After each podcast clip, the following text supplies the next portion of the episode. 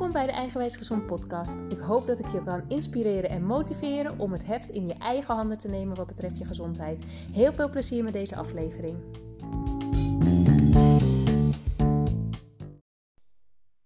Hey, het is even geleden, maar ik heb weer een pareltje gevonden die ik heel graag wilde interviewen voor de podcast.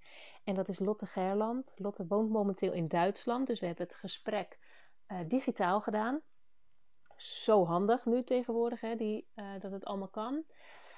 Um, Lotte die heeft de diagnose reuma gekregen in haar tienerjaren, terwijl ze op hoog niveau aan het volleyballen was. En um, nou ja, hoe dat allemaal is gegaan, dat ga je luisteren in het interview. Ik vond het zelf weer heel inspirerend om met Lotte te praten. Uh, veel dingen gehoord waarvan ik dacht: oh ja, daar heb ik wel eens van gehoord, daar moet ik weer iets mee. Of dingen die juist helemaal nieuw waren. Ik ben alvast begonnen met het boek De Fontein. Dat is een van de tips van Lotte. Ik ben nog niet heel erg ver, dus ik kan er nog niet zoveel over delen. Maar voor nu is het al heel interessant en iets waarvan ik denk: oh ja, daar moet ik iets mee, daar wil ik iets mee, daar ga ik iets mee doen.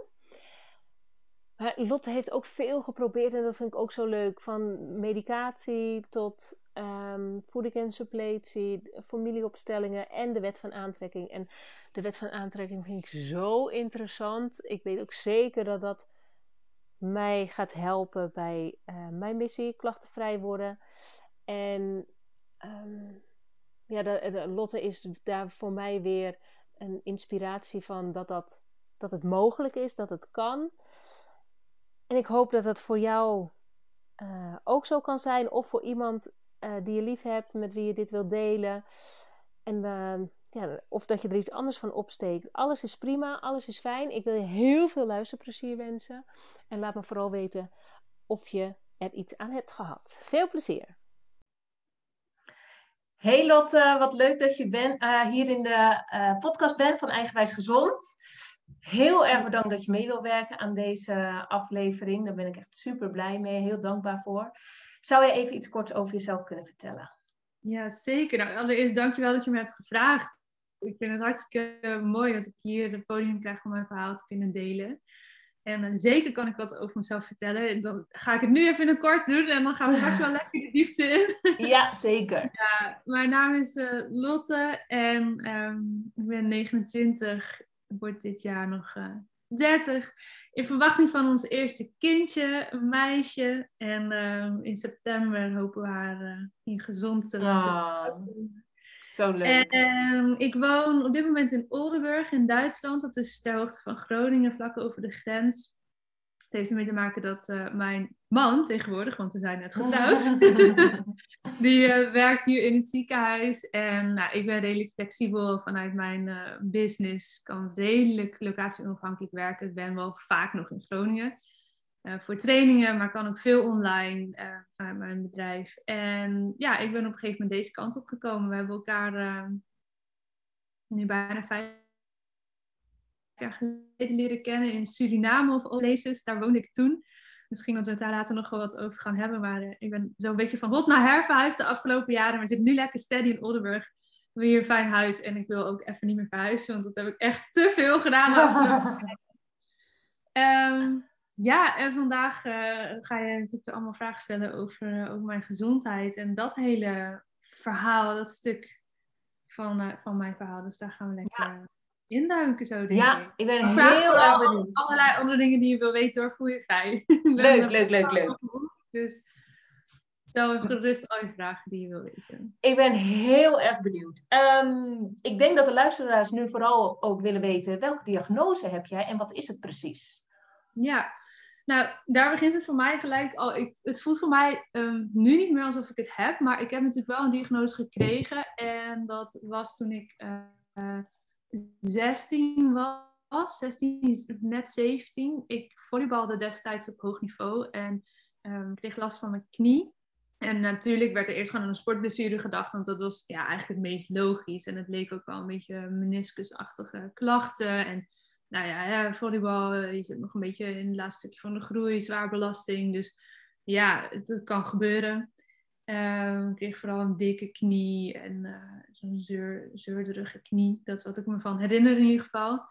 En dat ging maar niet weg en dat ging maar niet weg. En op een gegeven moment hebben ze besloten om een kijkoperatie te doen. En hoe lang zat daar ongeveer tussen dat je er zo lang mee aangemodderd hebt? Hmm, ja, een aantal maanden. Ik denk een maand of vier, vijf. Toch proberen met fysio eerst. Weet je wel, ja, zoals dat gaat vanuit, vanuit dat sportwereldje. Je wil niet gelijk uh, onder het mes, want dan weet je gewoon, oké, ja, dan moet je echt gaan revalideren. Ja, precies. Maar ja, op een gegeven moment wilden ze toch wel kijken van wat is er nu dan echt aan de hand. En uh, hebben ze een kijkoperatie gedaan. Nou, ze konden wel wat beschadigingen zien aan de meniscus, maar niet dusdanig nou ja, dat er nou echt heel erg iets aan de hand was. En ze zei, ja, we kunnen ook niet per se achterhalen of die littekentjes die we zien, of dat van nu is, of dat je dat misschien al weet ik hoe lang hebt. Want volleybalden natuurlijk al jaren en jaren. Ja. Dat, uh, ja, dat werd niet zo duidelijk, maar ze zagen wel dat het kapsel heel erg ontstoken en geïrriteerd was. Dus wat ze dan doen, dat wist ik toen ook allemaal niet door, maar dat hebben ze dan na de hand verteld, is dat ze die knie uh, schoonspoelen aan de binnenkant om te proberen uh, nou ja, die reactie daaruit te halen. En dat is wat ze hebben gedaan. Dat is in principe helemaal niet een heel ingrijpende operatie. Ja, voor mij was het heel indrukwekkend, maar het was niet heel gevaarlijk of zo. En nee. uh, ja, dan moet je. er weinig risico's aan. Uh, ja, het was ook met een ruggenprik. Uh, ik hoefde niet eens volledig onder narcose. Mocht wel, maar ik had zoiets van, nou ja, als het niet hoeft, dan liever niet. Weet nee, je snap ik. Dus um, ja, dat was in principe gewoon goed gegaan allemaal. En nou ja, de verwachting is dan na zes weken dat het dan, uh, nou ja, dat die knie gewoon weer hersteld zou moeten zijn. En dan ga je, kan je weer opbouwen. Nou, dat bleek helaas niet helemaal het geval. Oh. dus nog steeds dik en pijnlijk en geïrriteerd. En uh, ja, we moesten toch wel iets verder gaan zoeken dan dat. Want dat, ja, waar komt dat dan vandaan? En toen pas eigenlijk is er een belletje gaan rinkelen, ook bij mijn ouders onder andere. Die zeiden van ja, misschien moet je een keer naar de reumatoloog gaan, want als klein meisje heb ik jeugdreuma gehad in mijn oh. andere en in een van mijn heupen. Echt als peutertje, dus daar weet ik ook niet super veel meer van. Een paar flarden aan herinneringen heb ik nog, maar van de verhalen van mijn ouders weet ik wel dat ze aan mij heel veel uh, moesten tillen. En uh, nou ja, dat ik als klein meisje al allemaal dikke pillen kreeg om, om die ontstekingen te remmen. En um, als nou, daar je... kan je als kind dus heel goed overheen groeien. Oh ja, dat was mijn vraag. Ja, groei je daar overheen? Ja. ja, nou ja, dat is dus wat gelukkig vaak gebeurt en wat ook kan. Dus dat, dat is bij mij ook gebeurd. Maar ja, toen ik in mijn tienerjaren dus weer last kreeg, hadden we in eerste instantie helemaal niet daaraan gedacht. Omdat ik zo in die sport zat en dat ja, gewoon meer voor de hand lag. Ja, precies. Maar toen die wegging, toen zijn we toch uh, ja, dat, ja, dat traject ingegaan. En um, nou ja, toen was het inmiddels, uh, ik denk wel drie kwart jaar later, sinds dat ik voor het eerst last kreeg. En werd winter, donker. Nou, ik was echt geen leuk, uh, geen leuk kind op dat moment. Ik was net uit huis. Ik was naar Groningen gegaan om daar bij een nieuwe club te gaan spelen. Maar ja, ik kon helemaal niet spelen. En dat was echt niet oké allemaal die club was oké okay, hoor, maar gewoon hoe ik in mijn vel zat was niet oké. Ja. Okay.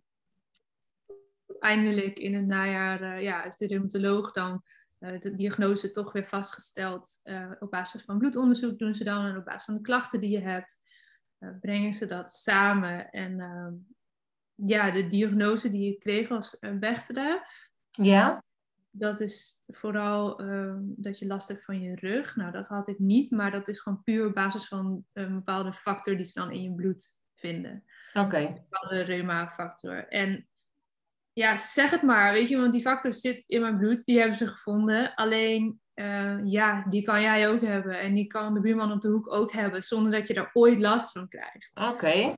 Um, dus ja, logischerwijs heeft zij op die manier die diagnose gevormd. En, en dat, dat snap ik nog steeds helemaal hoor. Dus ik geen verwijt aan, aan haar als arts of whatsoever. Want dat is heel logisch. We zochten naar een diagnose en dit kwam heel logisch bij elkaar. En op basis daarvan konden we ook iets doen, namelijk medicatie. En um, ja, dat was op dat moment heel fijn. Want ik zocht ook naar die houvast op dat punt in mijn leven. En uh, ja, dat, uh, dat is eigenlijk wat er toen uit is gekomen. We hebben ook nog wel heel vaak uh, bloedtesten gedaan naar Lyme. Omdat oh ja.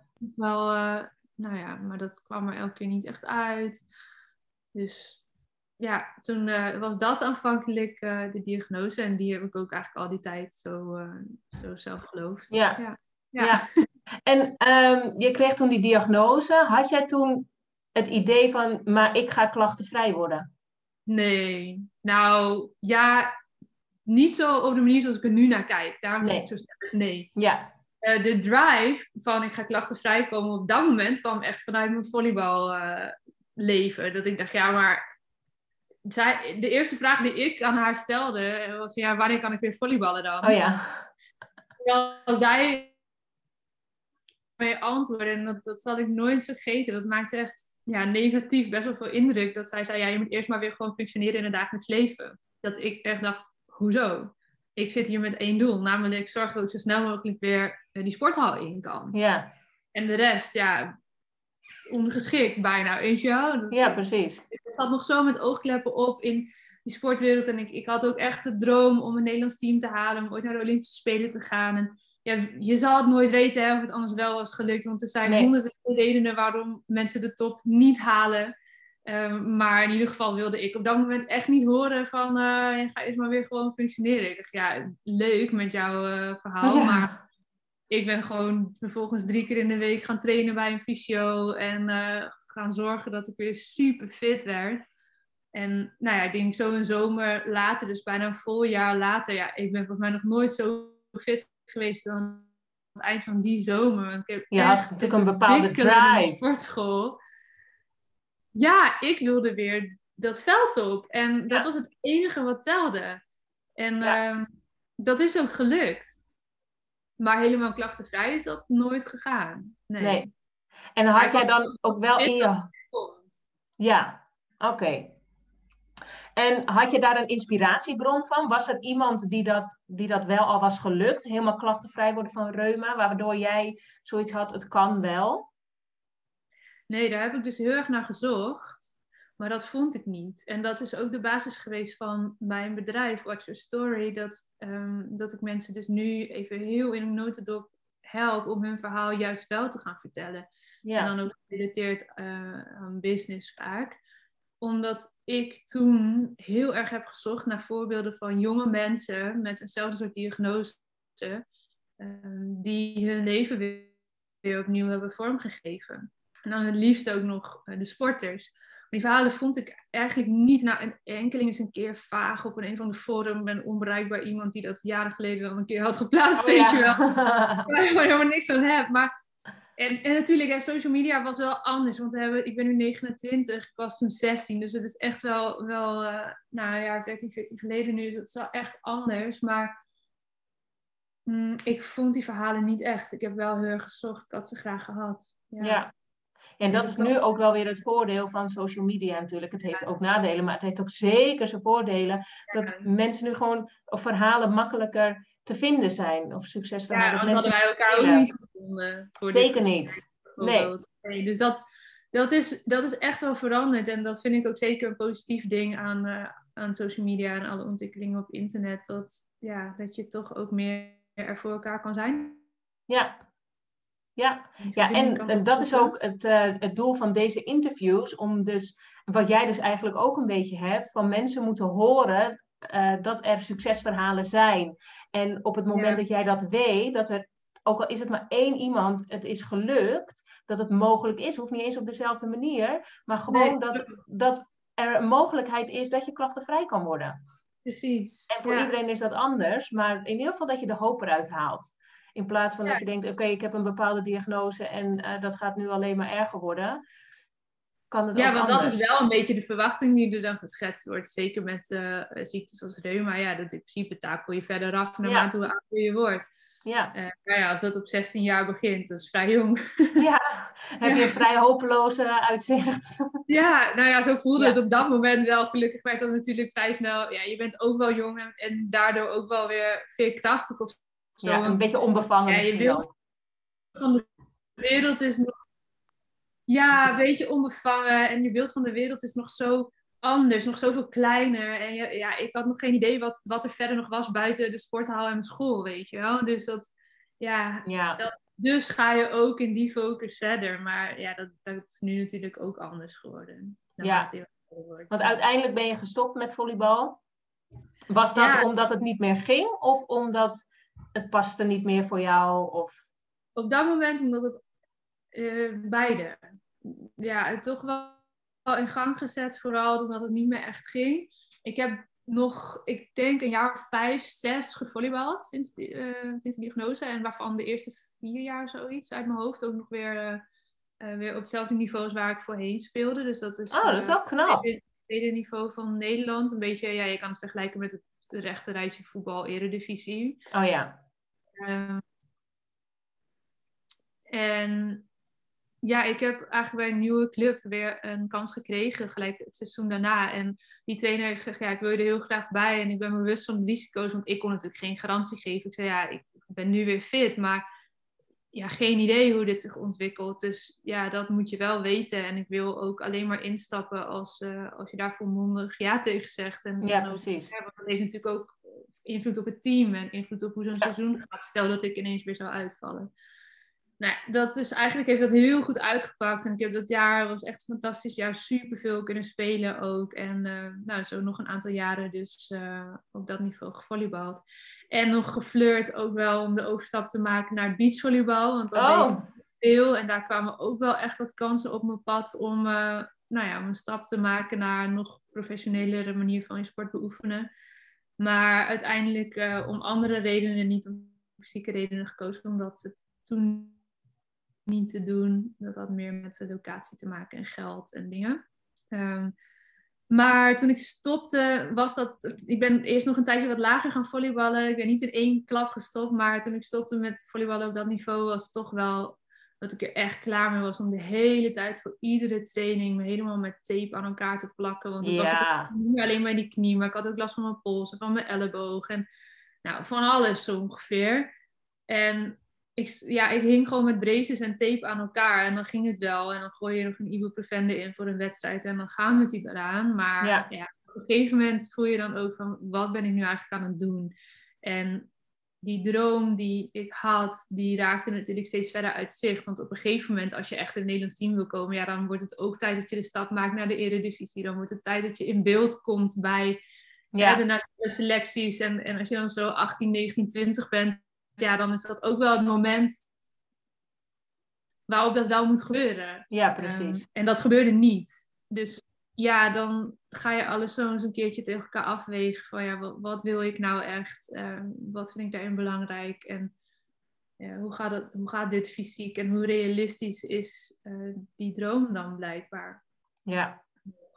Ja. En um, ja, alles bij elkaar heeft mij toen besluiten om eerst gewoon nog op een wat lager niveau te gaan volleyballen. Ik heb een paar stapjes teruggenomen. Ik vond het ook heel, ik vond dat echt heel fijn, want ik had het gevoel dat ik daardoor ook nog een beetje mijn ervaring en mijn kennis kon doorgeven of zo weer aan ja. de jonge meiden. Ik zat echt in een team met heel veel jonge meiden. En ja, dat, dat het niet een soort van verloren gaat of zo. Nee. Tenminste, dat hoop ik dat ik dat heb kunnen doen, maar zo voelde het op dat moment wel. In ieder geval iets van mijn ervaring meegeven.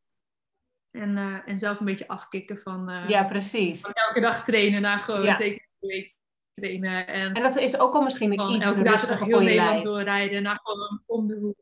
Ja. Ja, ja, dat was, dit is goed geweest. Ja. ja, zeker wel. En mis je het nu nog? Uh, nou, ik zou je zeggen, het is dat ik nu zes maanden zwanger ben, maar ik wilde eigenlijk weer gaan beginnen. Oh, echt wel haar? Ja. Oh, heerlijk. Ja, dus ik toch, ja. ligt daar toch. En zeker... Ja, ik heb tussendoor ook nog wel eens wat gespeeld hoor. In Suriname heb ik nog wel wat gebiedsvolleybald en zo. En ook in de zaal daarbij een teampje wel. En dat was hartstikke leuk. Um, en ik wilde hier in Oldenburg, waar ik nu woon, dus graag bij een team aanhaken om en wat mensen te leren kennen en de taal beter te leren en gewoon oh, lekker te sporten. En ja, omdat ik nu ook voel van mijn lijf, uh, kan dit weer? Dacht ik, nou ja, ik ga gewoon ergens heel laagdrempelig. Weet je, dat hoeft helemaal geen hoog niveau te zijn. Maar gewoon, al is het een beetje beter de gooi- en smijtwerk. Maar gewoon, gewoon dat, je, lekker onder de mensen bent en lekker bezig bent. En dan zie ik het wel vanaf daar. Ja. Ik heb niet per se die ambitie om nu nog weer heel hoog te gaan spelen. Maar omdat ik ook weet wat je daar maar voor moet doen en laten. Maar weer, weer in, even weer in zo'n sporthal staan.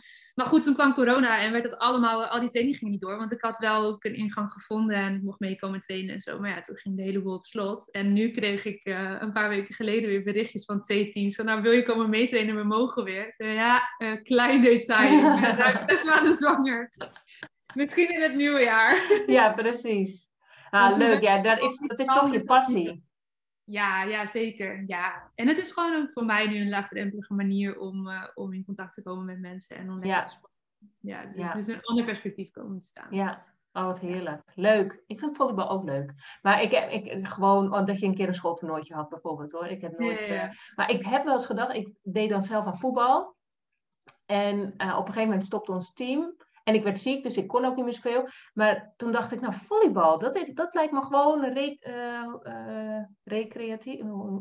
Hoe zeg je dat ook alweer? Ja. Nou, in ieder geval voor je plezier. Gewoon dacht ik, oh, vind ik wel leuk, maar uiteindelijk niks geworden. Um, we gaan weer even verder. Um, wat heb jij allemaal gedaan? Want uiteindelijk ben je nu dus klachtenvrij. Maar wat heb je allemaal geprobeerd? Dus je had die diagnose, je hebt daar uh, um, nou ja, dingen voor opgezocht natuurlijk. En uiteindelijk heb je iets gevonden wat voor jou werkt. Maar wat heb je allemaal gedaan? Wat je je nu nog kan ja, herinneren? Wat ik nog kan herinneren. Nou, in ieder geval uh, begon met medicatie. Wat me gewoon voor werd gegeven vanuit het ziekenhuis. Uh, sulfasalazine heette dat, geloof ik. En, en dat was dan eigenlijk um, nou ja, de laagste, ja, kan je dat zo zeggen? De, de, de meest milde medicatie. Want ze wilden natuurlijk gewoon kijken van nou, als dat al werkt, dan hoeven we ja. niet zwaardere medicatie. Ook gezien mijn leeftijd en ja. gezien uh, de verwachting die het verloop van reuma heeft, wilden ze zo laag mogelijk inzetten. Nou, daar was het mee eens. Leek me heel verstandig. Um, ik heb in die jaren die volgden, als ik weer een soort van opvlamming had, ook wel regelmatig zo'n uh, spuit uh, met corticosteroïden in mijn knie gehad. Dan ging ze eerst het vochten uithalen en dan zo'n spuit erin. Uh, nou, dat was niet per se lekker, maar dat hielp dan wel weer even een tijdje. Ja. Dus dat is wel een aantal keer gedaan in het ziekenhuis. Um, en ja, ik heb heel veel getraind. Gewoon ook in de sportschool. Niet alleen, eh, dat, dat was ook logisch voor het volleybal. Maar ook om te zorgen dat mijn spieren zo sterk zijn dat, dat er minder druk op mijn gewrichten komt. Ja. Dat heb ik eigenlijk al, altijd gedaan. En nu doe ik gewoon thuis wat oefeningetjes. Uh, licht, intensief. Maar om te zorgen dat mijn spieren sterk blijven. Ja. En wat heb ik nog gedaan? Ja, met supplementen wel wat geprobeerd. Glucosamine werd wel veel aangeraden in die tijd. En ja, ik heb best wel een tijdje eigenlijk, ik echt wel een aantal jaren gewoon heel trouw die medicatie geslikt. Totdat ik op een gegeven moment merkte van, hmm, het gaat me tegenstaan. En ik nam het niet meer zo trouw. En dan nam ik het tijdje helemaal niet. En dan weer wel. En toen dacht ik, ja, ja. Dit, uh, ja dit zet dan ook niet echt zo aan de dijk. Want dat is een soort van spiegel die je wel opbouwt met ja. de medicatie.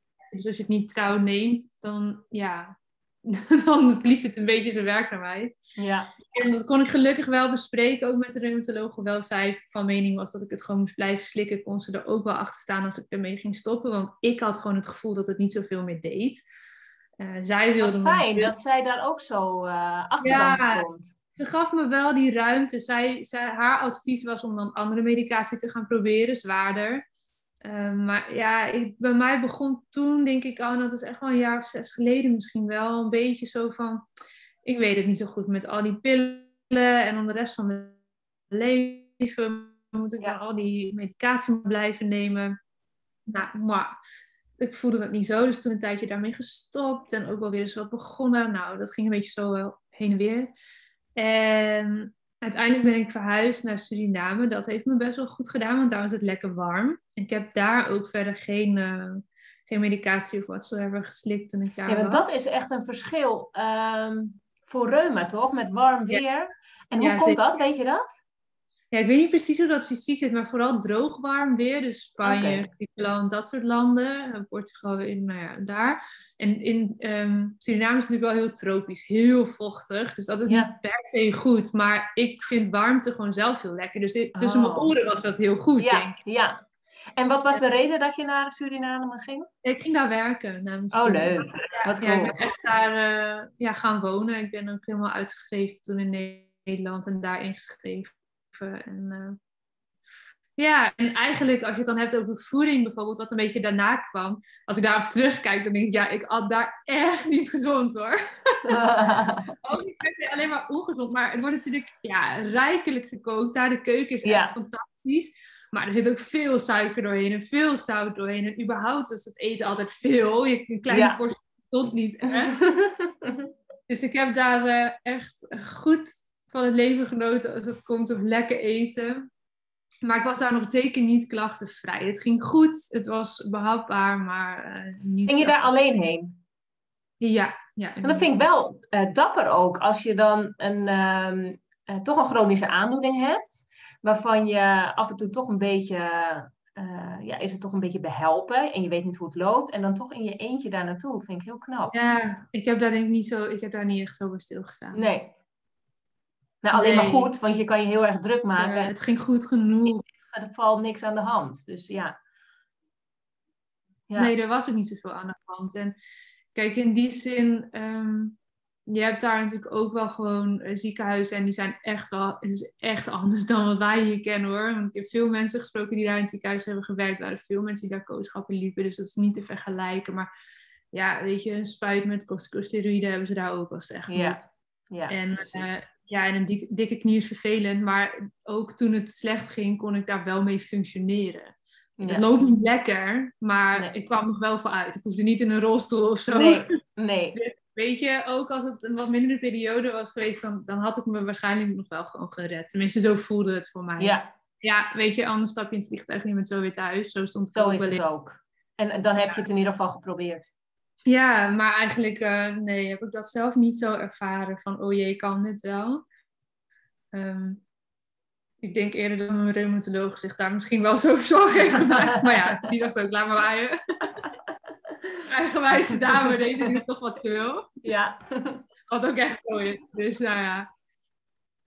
Nee, en toen eigenlijk toen ik terugkwam, toen begon ook een beetje mijn hele ondernemersavontuur. En kwam ik wel in contact met gewoon weer nieuwe mensen die ik nog niet kende in mijn leven. Nieuwe, um, ja, ook mensen die bezig waren met voeding en gezondheid. Dus wat heb ik geprobeerd? Nou, na die medicatie, nadat ik terugkwam in Nederland, uh, kwam ik uh, wel in, de, in aanraking met een dame, zij is orthomoleculair therapeute. En ik spreek haar nog steeds regelmatig. Zij heeft me echt wel geholpen om eens te kijken naar suppletie. En um, om nou, met voeding bezig te gaan. Dus toen heb ik een keer zo'n week gedaan waarin ik echt alleen maar gewoon uh, rauw eten gehad. Oh ja. Water en gewoon echt, echt niks. Dat, dat, de eerste twee dagen was dan een beetje afbouwen. Dan vier dagen echt hardcore. En dan weer twee dagen een beetje opbouwen voordat je normaal gaat eten. Dus geen vlees, geen zuivel. Gewoon echt helemaal vegan, maar ook geen Ja. suiker. Uh, alleen maar water of muntthee of gemberthee. Dat soort dingen. Gewoon echt een soort van detox week Ja. was het. Ehm, nou, een leuke ervaring. maar niet vol te houden op lange termijn voor mij. Nee. Dat was ook niet het doel, hè, om op die manier verder te gaan. Want dat was gewoon echt even helemaal resetten, soort van. Ja. En, maar ik merkte wel echt... eh, en dan daarna wilde ik eigenlijk gewoon een tijdje helemaal vegan gaan eten. Ja. En zo min mogelijk suiker. Dat, eh, en, en ook glutenvrij. Dus vegan en glutenvrij en suikervrij. Nou, Ja. ik het was echt wel even een uitdaging. Wat eet je dan nog wel? Ja. Er bleef voor mijn gevoel in het begin echt niks over. Maar ik heb er wel weer heel veel nieuwe leuke gerechten door geleerd. Die we nog steeds soms wel maken. Dus helemaal prima. Ja. Maar wat ik merkte, en waarom ik dat niet heb doorgezet uiteindelijk zo streng, is dat ik er, eh, ik viel er heel veel van af. Het ging me te hard, want ik hoefde niet per se af te vallen. Ja, een of twee ki- gezelligheidskilootjes prima, maar ik Wat een wilde leuke niet... benaming, gezelligheidskilootjes. Ja, ik, ja ik, ik moest niet eh 10 kilo gaan afvallen, want dan zou ik echt mager geworden zijn. En dat was niet goed. Dus ik merkte, van, ik merkte ook dat ik minder energiek werd in plaats van juist energieker, omdat ik te weinig binnenkreeg. En Ja. als ik er langer mee door was gegaan, dan was ik daar vast steeds handiger in geworden. En dan zorg je dat je weer genoeg van alles hebt. Maar ja, dat stond me tegen. En vooral stond het me mentaal echt tegen. Want ik hou gewoon van pizza. En ik hou van een borrel. En ik hou van een garnalen kroketje of een bitterbal op het terras, weet je wel. Ik Ja. ik ben er zo blij van. En dat was ineens allemaal geen optie meer. Een stukje taart op je verjaardag. Of, tuurlijk, je kan het allemaal maken volgens dat dieet. Maar ik werd er niet blij van om de hele tijd het gevoel te hebben van... ik mag niet dit, ik mag niet dat, ik Ja, kan niet zus, ik kan niet zo. Alles nee zeggen. Ik voelde vrij snel, dit is niet voor mij de manier. Want dit, dit voelt als moeten, dit voelt zwaar. Ehm, en dit mag makkelijker zijn. Dit kan makkelijker zijn. Dus dat, nou ja, dat heb ik toen toch ook weer langzaam een beetje losgelaten. Een paar dingen zijn wel echt blijven plakken hoor. Dat ik makkelijk glutenvrije producten uh, pak in plaats van veel gluten. Maar ik eet wel weer brood en zo. Ik vind brood heerlijk. Ik eet alleen niet meer bij iedere maaltijd ook stokbrood of zo. Want ik was echt verslaafd aan stokbrood. Nou, weet je, zo'n kleine uh, aanpassingen heb ik samen met die dame die dus uh, orthomoleculair therapeut is, nou ja, geleerd en gedaan. Maar ja, daarmee waren mijn klachten nog steeds niet weg. en welke klachten had je toen nog?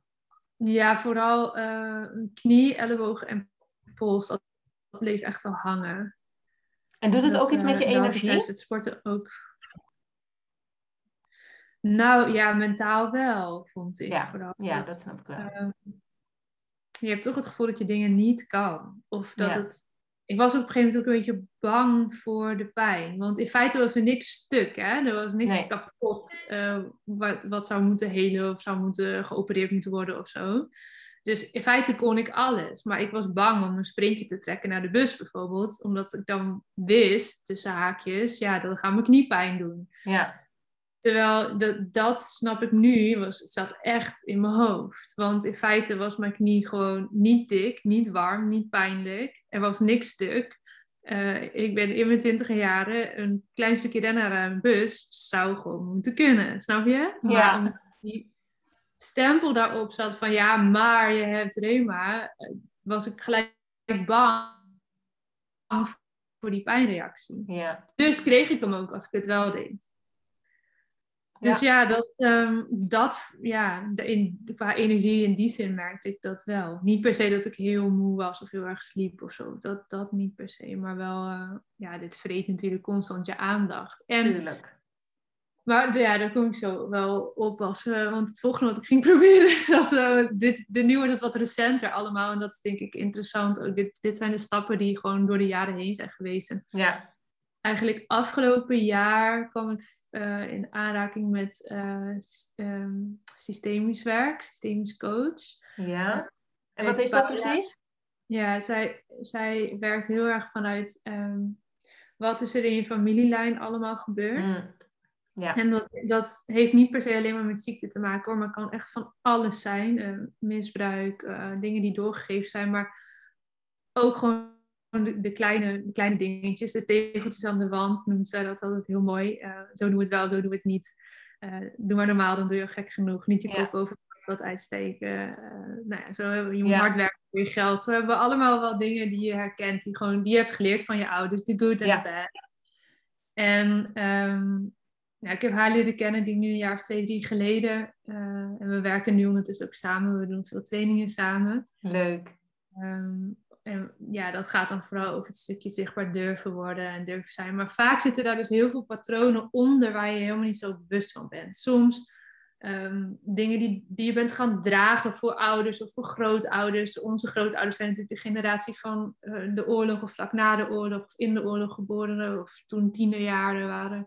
Dus daar zitten vaak nog wel dingen die doorgegeven zijn die je bent gaan dragen. Maar ook als bijvoorbeeld uh, jouw vader of moeder. Um, fysiek of emotioneel afwezig is geweest, korte of langere tijd, dan stapt een kind in op, op die plek. Dus ja. dat is best wel confronterend dat, um, ja, dat, dat, hè, dat, dat je dus op die manier wisselt qua posities. Eigenlijk als kind Ja. moet je altijd nou ja, in een piramide als het ware voor jouw ouders staan en gesteund worden door jouw ouders. Maar als een van jouw ouders nog bezig is met zijn of haar ouders en een soort van omgekeerd staat, ja, nee, dat is net als dat ik nu omgekeerd naar jou ga zitten praten. Dat, Ja. Dan ben je niet hier. Nee.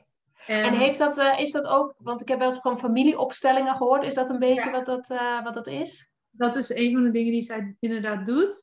En dat heb ik dus ingezet ehm, om eens mijn ziekte op te stellen. En dat was fucking heftig. Oh Sorry. ja? Het was echt, nu ik op terugkijk, heel mooi. Maar zo intens.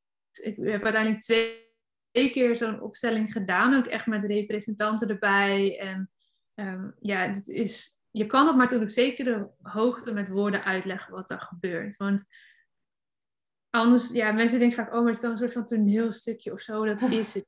Je gaat echt mensen vragen die representant zijn voor iemand uit jouw systeem, uit jouw familiesysteem bedoel ik dan, en die stappen letterlijk in de energie van die personen, levend of niet. Ja. En dat klinkt heel zweverig, maar als je het meemaakt, valt dat echt reuze mee. Want het is, het is best wel down to earth als je het ziet gebeuren.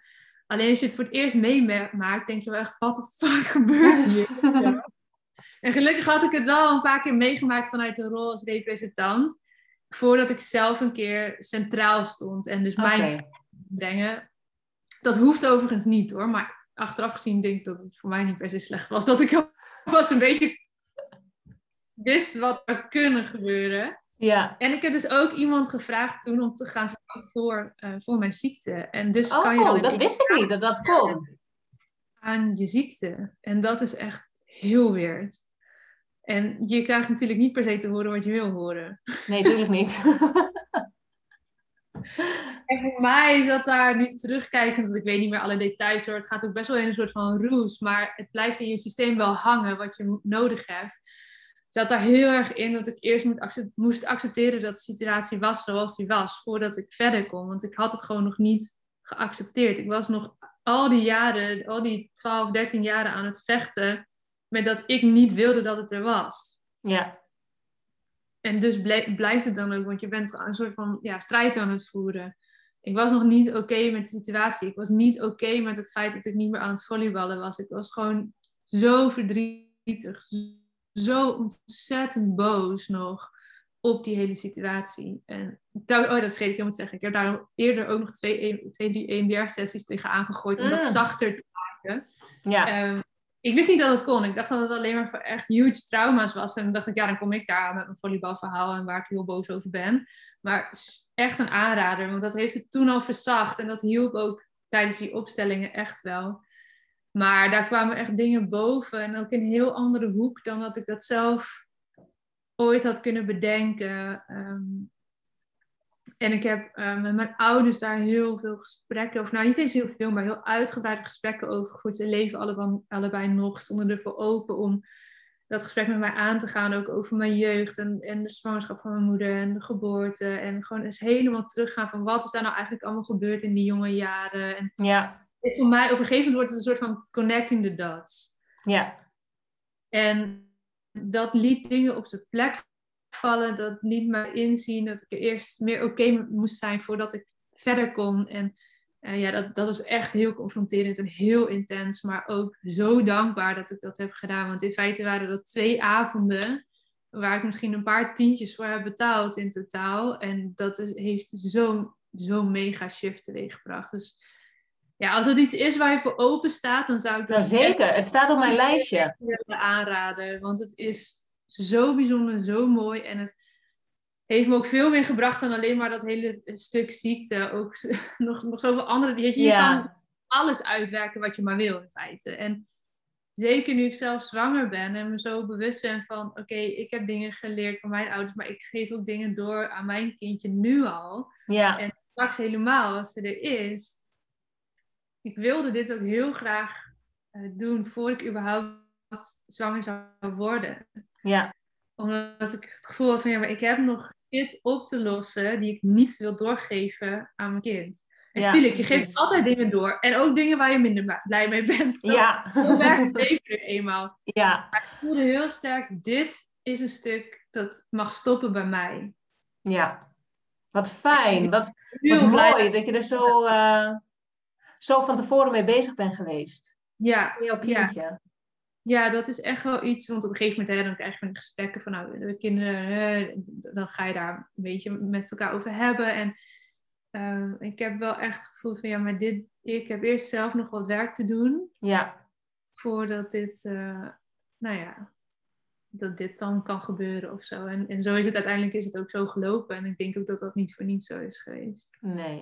Daar geloof ik echt wel in. Dus dat heeft voor mij, dat is echt een hele belangrijke schakel geweest. Om aan de slag te gaan met iemand die, eh, nou, die zo'n opstelling kan doen. En eh, ja, weet je, ik werk nu samen met Paula en ik, mag daar vaker bij zijn in het kleine en het grote. En, en ik, ik vind het fascinerend. Ik, ik ken natuurlijk niet alle familieopstellers en alle systemische coaches in Nederland. Dus ik weet ook niet precies weet je, er, er zijn betere en minder goede, zoals je overal coaches. Tuurlijk. Zij Maar zo- voor jou past dit nu, toch? Ja, dit past nu en ze is zo ervaren. En eh, ik zie het ook bij anderen gewoon gebeuren. Ja, ik, ik weet niet, ik kan haar echt eh, verkopen aan iedereen die dat maar wil. Want ik vind haar echt fantastisch in haar En ze heet Paula en van de achternaam? Paula. Dillema. En eh, ook zo te volgen op Instagram? Ja, Business en Zo, Paula heet ze. Business en Zo, zo heet haar bedrijf. Oké, business en zo Paula Dillema. Als Nou, je leuk. Paula Dilemma zoekt eh, of googelt, dan vind je haar ongetwijfeld. Ja, Ja, dus dat heeft, dat heeft echt heel erg veel in gang gezet. En eigenlijk is er toen nog één stap geweest die echt de cirkel rond heeft gemaakt. En dat is dat ik eh, bij Kim Munnekom eh, de mastermind ben gaan doen. cool. Ik had, ik had al van haar wat online trainingen gevolgd. En niet eens van A tot Z allemaal, maar gewoon stukjes uit. En nou, dat zette al dingen in gang. En toen dacht ik, ja, als ik dit wil, dan moet, ik, moet ze mij recht in mijn ogen gaan aankijken en, en mij coachen. En dat hoeft niet één op één, dat was uiteindelijk dan in een groep in zo'n mastermind. Maar alleen al het voorgesprek wat we hadden, want zij, zij had dan kennismakingsgesprekken om nou ja, ook die groep samen te stellen en te kijken of het past Ja, alleen al dat gesprek heeft zoveel in gang gezet dat ik dacht: oké, dit is echt een investering die heb ik nog nooit gemaakt, zoveel geld ergens ingestopt. Ja, helemaal niet voor mezelf. Maar ik voel dan alles, dit gaat voor mij dat laatste stukje zijn. Met haar kan ik mijn verhaal gaan herschrijven en echt loskomen van het ziekteverhaal. ja, En dat, eh, ja, dat, dat, het was ruim een half jaar dat ik door haar gecoacht ben. Dus in een groep dus, maar dat was waanzinnig. En los van dat ik daar business-wise allerlei dingen heb geregeld, want ze is in feite business coach, maar ze- ja, vanuit de wet van aantrekking werkt, is het zoveel meer dan dat.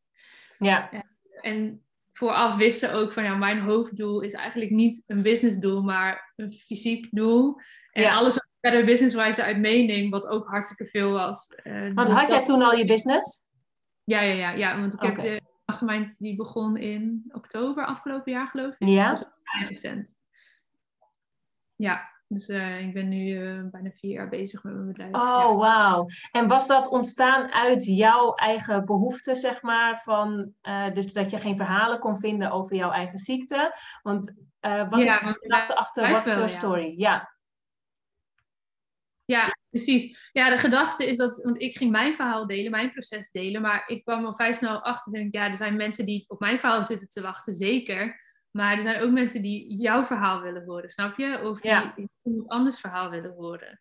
En dat is wel het idee geweest, en nog steeds het idee van mijn bedrijf, dat, eh, dat ik mensen help om dat verhaal in beeld te krijgen, dat ze zelf de waarde daarvan in gaan zien en ook leren want ik heb een marketingcommunicatie achtergrond, hoe je dan die vertaalslag maakt naar de buitenwereld toe. ja, Ehm, juist dus om zoveel mogelijk inspirerende verhalen, authentieke verhalen de wereld in te krijgen die ik zo heb gemist. ja, En dat niet- mooi. dat zijn niet allemaal ziekteverhalen, dat zijn alle soorten verhalen. Ja, Jong tot oud, man, vrouw. En, en ja, de meest gewone verhalen waar alles ogenschijnlijk goed gaat, die worden soms echt als super. nou ja, die gaan dan bijna viral, weet je wel. En dan, dan denk je, oh, er is geen drama of zo in het verhaal. En juist dat maakt het verhaal dan weer heel toegankelijk voor mensen. Ja. Dus ja, dat is heel mooi om te zien dat, dat de afgelopen jaren ja, echt honderden, misschien daar wel de duizenden voorbij verhalen op die manier de wereld ingegaan zijn. ja. Dus ja, dat is, ehm, dat is zeker de basis geweest. Heel mooi. Ja. Hey, en je vertelde over met Kim Munnekom, die werkt natuurlijk met, met de wet van aantrekking. En dan Ja. ging je je verhaal herschrijven. Wat, het- ja, Ja. Ik weet het ongeveer een beetje, maar misschien begrijpt niet iedereen wat je daarmee bedoelt. Nee, snap ik. Nou, voor mij was dat denk ik voor nu, hè, want er is altijd weer een vervolg, maar het echt de laatste stap in dit hele proces om los te komen van mijn klachten. Je vroeg, en daar begonnen we mee van wat heb je allemaal geprobeerd? Ja. Nou, ik ben heel de jaren doorgegaan. En dit is dan het meest recente wat ik heb gedaan. En ehm, ik wilde namelijk heel graag gewoon klachtenvrij zijn zonder dat het vasthing aan iets. Ja, Dus geen voorwaarden van voeding of sport of whatsoever, medicatie. eh, dat ik elke dag op mijn yogamatje moet. Of ja, weet je, als ik daar zin in heb, prima. Maar niet dat het een soort van, dat, dat ik iets moet doen, voorwaardelijk, om Ja. me goed te voelen. Nou, ik volgde haar al een tijdje en ik had wat trainingen gevolgd online. En ehm, ja, zij heeft het dan heel vaak over het herschrijven van je verhaal. En eigenlijk is de basis, en dat was, kwam bij mij uit die opstelling heel mooi, dat je eerst helemaal oké moet zijn met hoe het nu is. Dat je 100% verantwoordelijkheid gaat nemen daarvoor. Ja, en dat is, wil niet zeggen dat het jouw schuld is. Nee, het is niet je schuld en je hoeft ook niet met wrok te kijken naar hoe je het eerder hebt gedaan. Want met de kennis van toen heb je voor dat moment de juiste beslissingen genomen. Zo Ja. kan ik echt kijken naar die afgelopen 12 jaar, 13 jaar. Maar ja, maar op dat moment wist ik niet beter en was dat mijn meest wijze keuze. Maar ik ga nu wel beslissen, of toen, hè, eigenlijk nu elke dag weer beslissen. Ik neem verantwoordelijkheid voor hoe ik het nu doe. En de keuzes die ik nu kan maken. Ja, Maar dus ook neem je dan verantwoordelijkheid met ja, hoe je het hebt gedaan tot nu toe. En vanuit daar kan je ja, een nieuw verhaal gaan schrijven. En zij noemde dat ook heel mooi. Van ja, weet je, je hele verhaal tot nu toe hoeft niet weg. Maar het is tijd voor een volgend hoofdstuk. ja, mooi. Daar was ik heel erg door geraakt. Dat was in het voorgesprek. Want ik dacht, ja, maar als mijn verhaal weg, weg moet, dan valt mijn hele business ook in elkaar. Want dat is daar helemaal op gebaseerd. En eh, hoe dan? En, eh, eh. En, maar het hoeft niet weg. Ik kan met jou nu al bijna een uur praten over hoe dat is geweest.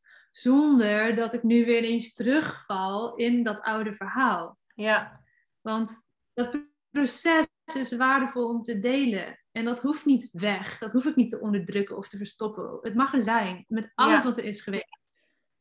En het mag nu anders. ja. Wat mooi. Dus wat we gingen doen, dat is letterlijk... En ik heb die oefening al honderd miljoen, keer gedaan voor mijn gevoel. Dat is natuurlijk niet zo. Maar ehm, elke keer halen naar hoe wil je nu dat het is? Wat is nu je realiteit? Hoe ziet dat eruit? Wie moet je dan zijn? Wat moet je dan doen? Maak het concreet. Schaven, schaven, schaven. Wat past bij jou? Wat niet? Ehm, en natuurlijk, we hebben allerlei verschillende soorten oefeningen gedaan, ook door die maanden heen. Maar het besef dat ik mijn, ziekte in stand hield door woordkeuze, door de overtuigingen in mijn koppie, door het feit dat ik bleef zeggen, ja, maar ik heb reuma, doordat mensen eh, eh, aan je vragen, hey, hoe gaat het met je reuma? Ehm, eigenlijk hield ik daarmee slachtofferverhaal in stand. Ja, En dat verhaal dat leverde me tot die tijd meer op dan dat het me kostte. Namelijk aandacht, liefde. oh, dat is zo mooi dat je dit zegt. Want daar Dat- zit ik ook helemaal in. Dat leverde het me allemaal Ja. op. Ik zag dat tot dat moment niet zo. Maar ik zat in die slachtofferrol eigenlijk. En dat is best wel confronterend om dat toe te gaan geven en om dat te laten zijn. Maar dat was wel eerst nodig dat ik dat ging zien voor die volgende stap kan. Dat Ja. ik ging erkennen van ja, inderdaad, shit, ik doe dit inderdaad zelf. Ik blijf in die slachtofferrol zitten. Ik kan bepalen dat ik mensen ga corrigeren en ga zeggen, hey, ik zou het fijn vinden eh, dat je niet meer zegt van, eh, eh, hey, eh, gaat het eigenlijk wel? Of hoe is het met je reuma? Of, en niet dat het weg moet of zo, maar we zijn het, ik ben dat echt anders gaan framen bij mensen en bij mezelf in de eerste plaats. Ja, Dus bijvoorbeeld is het best wel een rigoureuze keuze om te stoppen met zeggen dat je iets hebt. ja, Niet meer doen. ja, Niet meer, nooit meer, nergens meer. Niet hardop, niet in je hoofd. En dat gaat natuurlijk niet van de een op de andere dag. Maar je kan wel trainen om jezelf elke keer een soort van catch yourself. Als het gebeurt, als je merkt, oh wacht even. Nee, ik maak de keuze opnieuw. Oh, laat Ja. me even de zin herformuleren. Want ik merk dat ik, het, dat ik het eigenlijk anders zeg dan dat ik het bedoel. Namelijk, en ook richting mijn familie, mijn vrienden, was dat echt wel even zoeken. Want mijn ouders hadden ook zoiets van, huh, maar wat doe jij nou? zeker ook eh, mijn man, hij werkt in het ziekenhuis, is medisch opgeleid. ja, oké, nou, ja, en hij support het helemaal. En hij- want hij ziet ook wat het doet met mij. En, en het liefst heeft hij mij gewoon helemaal gezond en, en blij, weet je. Dus hij zegt, als dit de way to go is voor jou, dan sta ik daarachter. En ik merk ook dat hij heeft het er eigenlijk nooit meer over. het is gewoon niet meer een ding nu. Nee. En als ik ergens last van heb even, dan is het voor mij niet gelijk, oh, dat zal wel de reuma zijn. Maar, oh ja, als jij een kwartier in kleermaken zit, gaat zitten, dan kom je er ook niet zo makkelijk uit. Nee, precies. dat, dat, dat dat altijd was omdat ik reuma had. Ja. En de, ja, ja, ja, maar ik kan niet dit, want. Of ik kan maar beter voorzichtig doen, want. Ja. Ja, en voor mensen die niet helemaal begrijpen wat de wet van aantrekking is, dat is natuurlijk waar je op focust, daar krijg je meer van. Dus in die zin Ja. ben je er zelf verantwoordelijk voor. Als jij gaat zeggen, ik heb reuma, oh eh, ik kan dit niet, want ik heb reuma, dat, dan trek je daar alleen maar meer van in jouw eh, ervaring. En meer van naar je toe. Dus dat is de, daarom ben jij je verhaal gaan herschrijven en gewoon gaan stoppen met dat je reuma hebt en het Ja. positief juist formuleren. Ja, en dus ga juist dingen daar in de plaats gaan zetten van ja, mijn lichaam is sterk, mijn lichaam is gezond, eh, mijn lichaam is blij, eh, wat ik eet is goed voor mijn lijf. Dat vond ik ook nog een hele mooie, die heb ik ook echt van, van Kim geleerd. En dat ging er heel erg over dat als je iets eet, dat je dat altijd ziet als iets wat jouw lichaam nodig heeft en wat je lichaam voedt.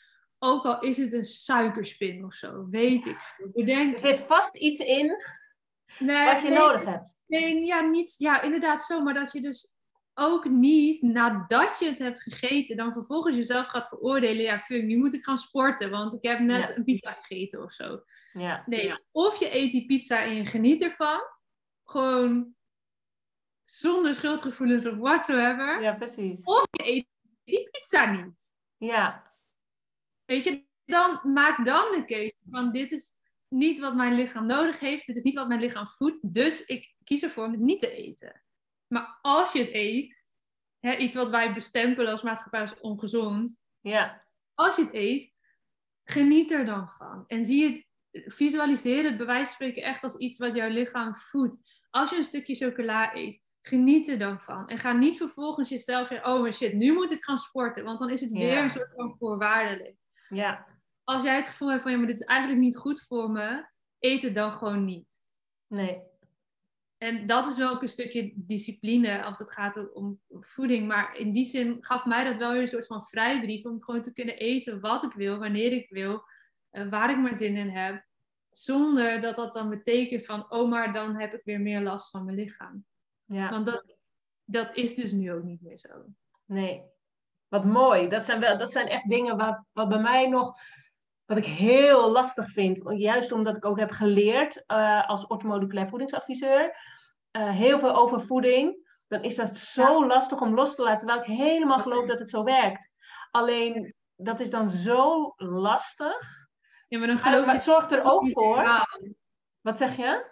Geloof je toch nog niet helemaal. dat Nee. het zo Nee, omdat ik dan ergens toch wel weer bang ben van nee, maar dat gaat me, dat, dan krijg ik weer dit. Of dan is er weer dat. Ja, En- maar en dus is dat die, die vibratie waar ze het zo mooi over Ja. hebben in de aantrekking, die, die toch nog sterker je dan uitzendt dan dat je... Ja. Je wil het wel het- geloven, maar je- eigenlijk is het nog niet zo. Precies, maar het zorgt er ook voor dat ik dus niet meer mijn ehm, strenge voedingspatronen kan volhouden. Want op de momenten dat het lastig wordt, denk ik, ja, maar nee, als ik ervan geniet, dan komt het goed. Maar ergens in mijn hoofd zit toch nog van, ja, maar het is niet goed voor je. Dus daar zit ik nog heel erg in te modderen.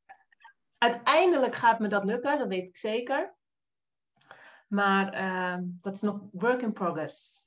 Ja, en laat dat proces er ook zijn. Weet je, dat is bij Ja. mij ook van de een op de andere dag gegaan. En bij niemand niet, denk ik. Want als het een soort van gouden knop was, nou, dan hadden we echt een goed lopende business nu. Maar weet je, dat, ehm, dat heeft voor mij ook even geduurd voordat ik dat echt zo kon voelen. En, maar echt, weet je wel, ook Ja. die onderstroom. En dat ik nu ook wel eens moet lachen als ik dan eh, het hoor van zo, ja, oh, zit ik er gisteren ochtend gegeten. Ik moet vandaag echt even sporten. Kijk, als je zin hebt om te sporten, doe het. Hè? Ik heb echt niks tegen sporten. Integendeel, doe het vooral. Ik denk dat het heel goed voor je is. Maar niet als een soort van voorwaarde van, oké, Nee. dan mag ik snacken. Maar ik snap wel wat je zegt er. Want ik heb natuurlijk daar met, eh, met die dame ook heel lang over gehad. En over dat stuk gluten. En wat dat dan aan ontstekingsreacties uitlokt in je lijf. En dat dat eigenlijk bij iedereen zo is. Dus mijn keuze daarin is, oké, waar kan ik misschien gluten een beetje beperken? Bijvoorbeeld door groentepasta's te kiezen. Of maïspasta. Of uh, een keer speldbrood in plaats van uh, gewoon brood. En dat zijn namelijk de veranderingen uh, die ik, waar ik helemaal achter sta. Wat goed ja. voelt, voor, waarvan ik dus ook nog meer geloof, oh, dit is goed voor mijn lijf. En waarvan ik ook niet zoiets heb van, nou, speldbrood, weet je wel. Dan, nee, die vind ik hartstikke lekker. Dus dat voelt makkelijk. Ja. En dus maak ik die keuzes heel makkelijk. En ja. en ja, daar zit ook dat stukje kennis nu achter, waarin ik heb geleerd van wat doen gluten eigenlijk met je? Ja, maar als ik lekker een pizza wil gaan eten een keer, dan ga ik niet per se vragen om een glutenvrije bodem die er meestal niet eens is. Nee, precies. Of die niet zo lekker is. Ja, precies. dus daarin maak ik zeker wel mijn keuzes. Het is niet alsof ik nu alleen maar ongezond ben gaan leven en ongezond ben gaan eten. Integendeel. Uh, dus ja, weet je, die balans is, is, werkt voor mij heel goed. Het is gewoon niet voorwaardelijk. Nee. Als ik morgens gewoon een gewoon broodje eet of, of een keer een stukje taart of weet ik veel wat, dan is dat helemaal prima. Ik, ik krijg ja. daar geen last van. Nee. Ik word er heel blij van, dus liever doe ik dat af en toe. Ja, precies. Mooi. Heel mooi. Um, heb jij met de dokter gedeeld uh, hoe jij er nu voor staat? Met jouw arts? Nou, dit laatste stuk niet. Ik heb haar al een tijdje niet gezien. Um, ik heb op een gegeven moment wel aangegeven van ik wil, uh, ik wil met die voeding bezig gaan en ik wil met een stuk mindset bezig gaan. Dat is de laatste keer dat ik haar heb gezien in het ziekenhuis. Um, en zij heeft gezegd van nou weet je, als dat is wat je wil gaan uitproberen, dan ga het vooral doen. De deur staat altijd open als je me nodig hebt. Uh, zij gelooft er niet in, dat heeft ze ook gezegd. Uh, want ik had haar ook gevraagd naar, er zijn een aantal reumatologen in Nederland die uh, actief nu bezig zijn met het onderzoek uh, reuma in relatie met plantaardig eten, dus vegan eten. En daar komen heel veel goede resultaten uit. En dat was voor mij ook aanleiding om daarmee bezig te gaan. Maar nu denk ik, ja, als je daarin gelooft, dan werkt het ook voor je. Precies, de placebo. ja. En, en ik denk dat het sowieso niet per se slecht is. Dat geloof ik ook echt wel. Dus heel interessant onderzoek. Ik denk dat het goed is dat ze dat doen. Uh, maar zij, ja, zij uh, had daar helemaal niks mee. Uh, maar ze liet wel mij gewoon ding doen. Dat is de laatste keer dat ik haar heb gezien. En toevallig kreeg ik een paar weken geleden, ik denk twee weken geleden, zo een telefoontje van het ziekenhuis. Ik had namelijk eigenlijk vorig voorjaar een afspraak, gewoon een controleafspraak. Maar dat kon toen niet doorgaan met corona. En ik had toen zo gezegd, zoiets van ja, ik heb ook nergens last van, dus ik hoef eigenlijk ook niet zo nodig. En ja, dan wilden ze graag dat je dan een telefonisch consult doet. Maar ja, eh, hartstikke duur. En ik zei, ja, dan ga ik, uh, want er zit 350 euro lappen om haar te vertellen dat het goed met me gaat. Dus sorry, maar dat mag jullie ook nee. doorgeven. Nee. dus dat heb ik hem gelaten. Maar nu belden ze me, want ze zijn denk ik gewoon iedereen aan het bellen die van de radar is geraakt. Dat idee kreeg ik een beetje, die afspraken die af zijn gezegd en ja. zo. Wat heel goed is. Ja, zeker. Ja, maar die belden me niet de arts zelf hoor, maar de assistent of ik nog weer een afspraak wilde. En um, ik heb gezegd dat het niet nodig was. En ze zei nog wel van ja, als je nu niet op controle komt, dan raak je ook uit het systeem. Want dan moet je echt. Dat is alleen maar mooi.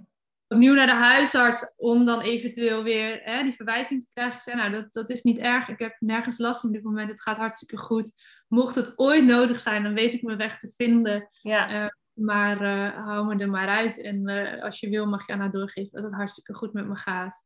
En uh, ja, dus eigenlijk was dat. Dat is toevallig wel niet twee weken geleden ja. voor dit gesprek. Maar dat was wel een mooie ja, stip of zo achter dat hele ziekenhuis. Ja, maar ook mooi dat je uit het systeem dan zo wordt gehaald.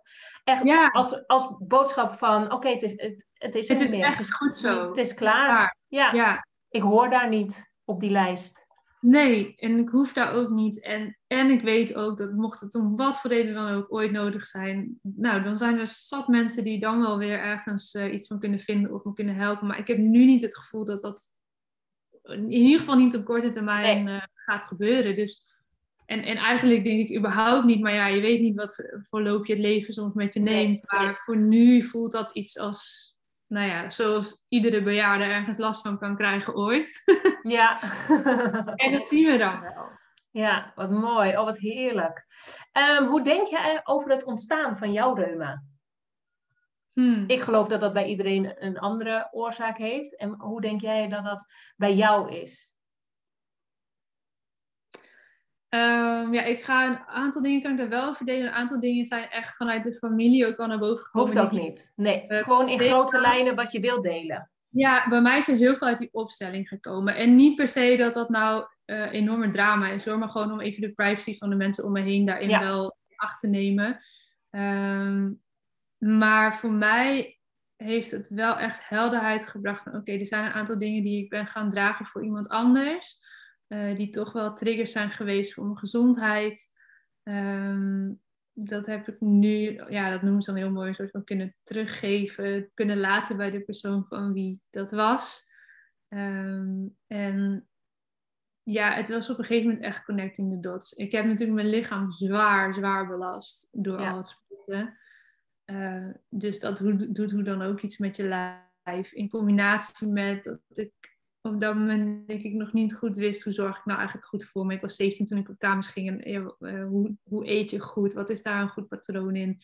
Eh, niet dat ik, dat ik per se heel ongezond was, maar nu weet ik gewoon veel meer daarover. Ehm, ja, en ik denk wel dat het een soort van. eh, ja, dat, dat klinkt dan misschien wel een beetje zweverig. En dat is ook oké. Ik heb wel een klein stukje zweverig in me. maar ik hou ervan. wel een ander ehm, pad heeft geopend uiteindelijk. Ja, Dat ik dat in het begin helemaal niet wilde zien.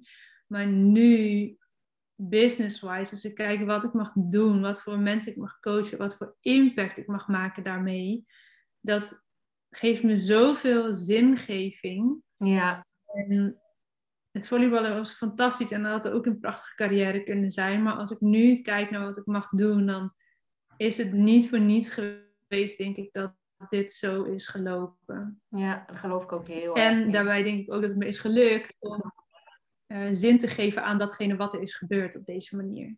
Ja, En dat, ja, ze noemen het als heel mooi, dat het een cadeautje is geweest waar ik niet op zat te wachten, maar wat ik wel heb weten uit te pakken. En waardoor ik nu er iets mee kan op een hele mooie manier. En Ja. ja, ja het heeft me in die zin, ja, waarom is het gebeurd?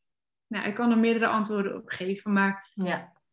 Samenloop van omstandigheden. bepaalde- dit heeft me wel een bepaalde kant opgeduwd. En ja, was ik anders ooit naar Suriname gegaan? Ik denk het niet. Had ik daar eh, mijn huidige man leren kennen? Ik denk het niet. Hadden we dan nu in Oldenburg gewoond en was ik van hem zwanger geweest van ons eerste kindje? Ik denk het niet.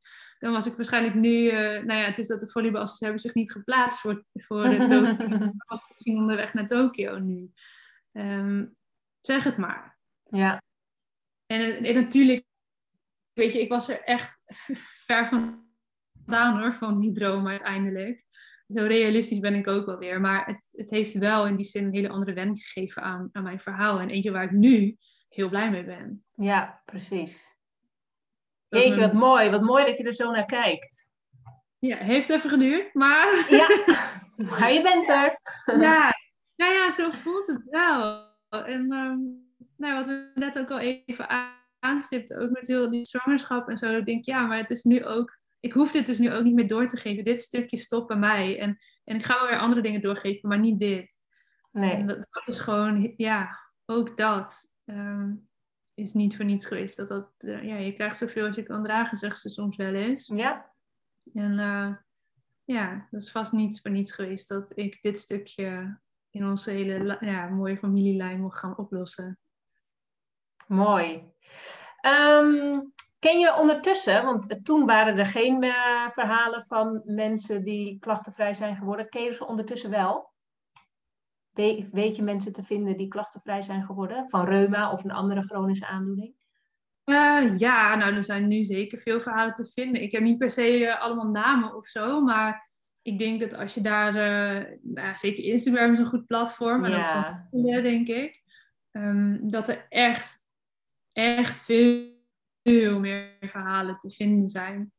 ja, En ehm, ja, misschien nog te weinig die, die het echt helemaal leven in die zin. Dat er altijd nog een soort van een kleine maar onder zit of iets ja, waardoor die nog niet helemaal stroomt. Dat, dat Ja. zie ik veel, dat mensen heel eind op weg zijn. En wat jij ook heel eerlijk benoemt van ja, ik voel me op de goede weg daarin. Maar er zit nog, zitten nog overtuigingen onder. zeker. Die, Maar, eh, ja, bij waar- mij, mijn overtuiging is dat ik het wel ga worden, maar eh, ik ben er nog zeker niet. Want ik, ik loop nog steeds heel slecht. Maar dat soort dingen ga ik natuurlijk niet meer zeggen. En, nee, maar kijk, en dat is, dat is wat er gebeurt, inderdaad. En daarmee hou je het, en, dat weet je allemaal, hoef ik jou niet te vertellen, daarmee hou je het natuurlijk in stand. En, en wat ik daar ook wel bij wil zeggen, want ik vind het best wel lastig als het bijvoorbeeld gaat om ziektes als kanker of noem maar op, of ongelukken of uh, mensen jonge mensen die heel plotseling overlijden, dat je denkt, ja, maar wat is daar dan de zin van, weet je wel? En heb je dat dan echt zelf aangetrokken? Nou, ik ken mensen die zeggen ja, um, want zus en zo, maar ook, ja, weet je, maak wel gebruik van de reguliere geneeskunde als je het echt nodig hebt. Dat wil ik wel nog even noemen. Als jij je been breekt, ga wel naar het ziekenhuis. Ga niet uh, visualiseren dat je been weer heel is. Ja, ja, doe dat wel, want het helpt. Ja. voor je herstel, maar ga ook even langs de dokter alsjeblieft. Ja, precies. weet je, er zijn gewoon dingen, ja, daar heb je uh, wel, het is, de reguliere geneeskunde is natuurlijk fantastisch en die heb je gewoon nodig op sommige momenten voor bepaalde dingen. Ja. Ik geloofde heel erg bij mij dat er een ander pad was en um, dat mijn klachten ook dusdanig nog ja, mild waren dat dat ook kon. Ja. En, en ja, ik geloof dat het, dat het voor heel veel dingen kan werken, maar ja, uh,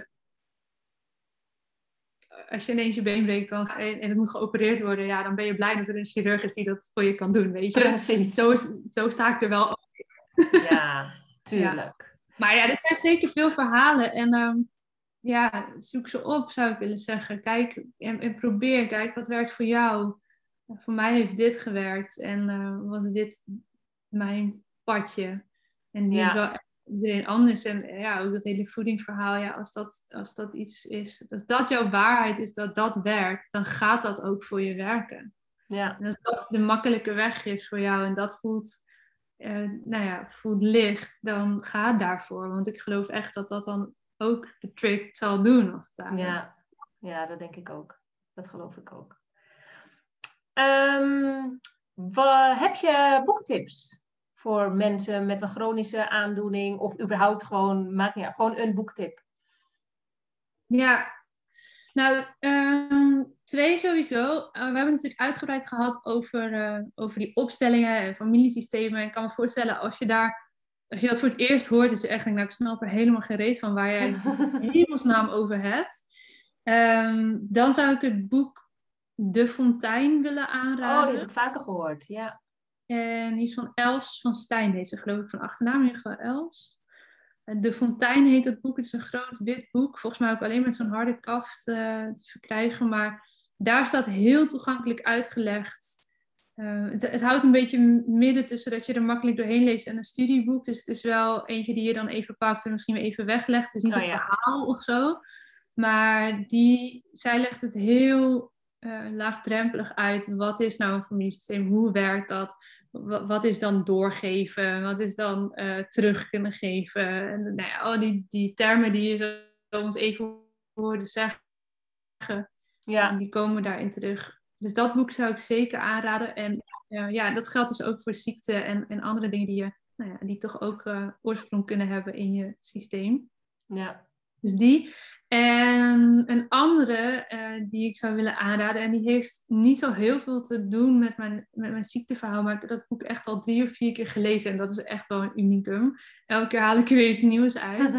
is het boek The Big Five for Life van John Strelacki, heet die man.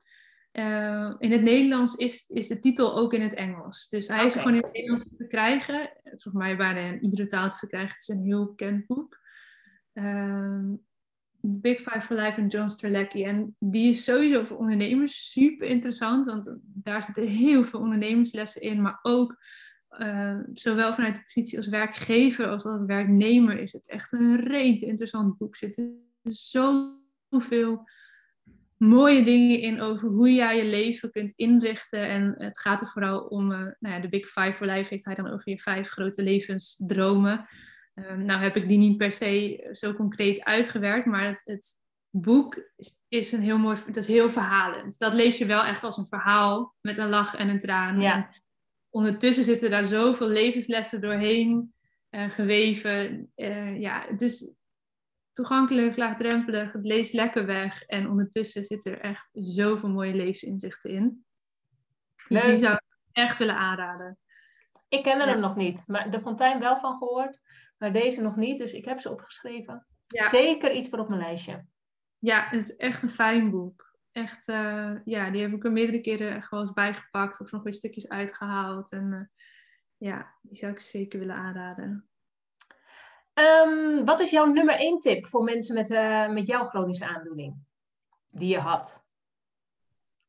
Ja, ja die ik had, ja. Ehm, durf echt te gaan luisteren naar wat jij nodig hebt. ja, mooi. En dus niet van wat iedereen je maar wijs maakt en alle opties die je hebt. Maar kijk of je echt naar binnen kan keren. Al dan niet met behulp van coaching in welke vorm dan ook. Om het antwoord in jezelf te gaan zoeken. En, en wat voor vorm daar dan ook uitkomt. eh, wat voor stappen je ook wil gaan zetten. Of, of dat je gewoon helemaal accepteert dat de situatie oké is zoals die is. En blijft leven met de klachten die je hebt. Dat is ook een optie. Dat is ook een keus. Ja, Ehm, maar zoek het echt in jezelf. Want je kan zoveel van buitenaf halen. Maar uiteindelijk, ja, als je die stilte en die rust kan vinden in jezelf, dan zit het daar wel verborgen. En had je me tien jaar geleden, eh, had ik je echt voor gek verklaard hoor, als iemand dat tegen me zei. Maar nu eh, voelt dat wel echt. Ja. mooi. Ehm, als mensen meer van jou willen weten, waar kunnen ze je dan vinden? Nou, waar niet ondertussen zou ik een paar jaar dan in ieder geval. Ja, sowieso, ehm, mijn website is eh, gewoon watchyourstory.nl. Die is heel toegankelijk. Daar staat veel over mij te vinden, eh, over wat ik doe, dan vooral zakelijk. Op mijn Instagram kan je me vinden, watchyourstory-nl. Daar deel ik zowel zakelijk dingen als, eh, als dus ook mijn eigen verhalen. En ook verhalen van anderen. Ik heb een podcast, Lotte Gerland podcast. Die gaat veel over storytelling, straalangst en persoonlijke verhalen.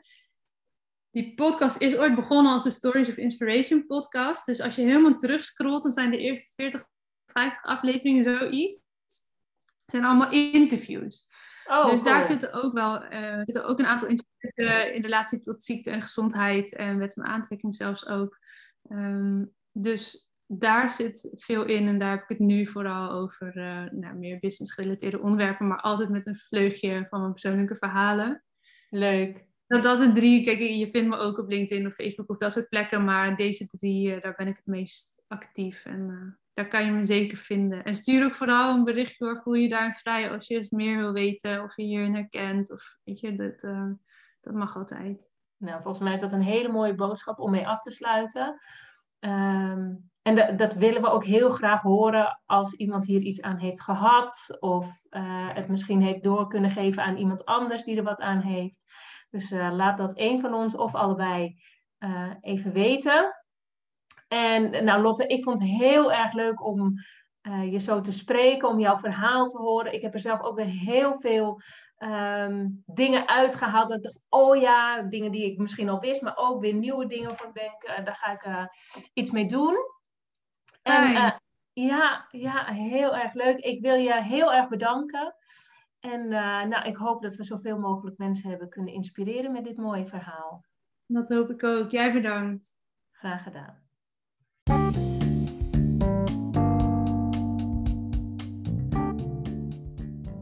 Bedankt voor het luisteren. Ik hoop dat je er wat aan hebt gehad.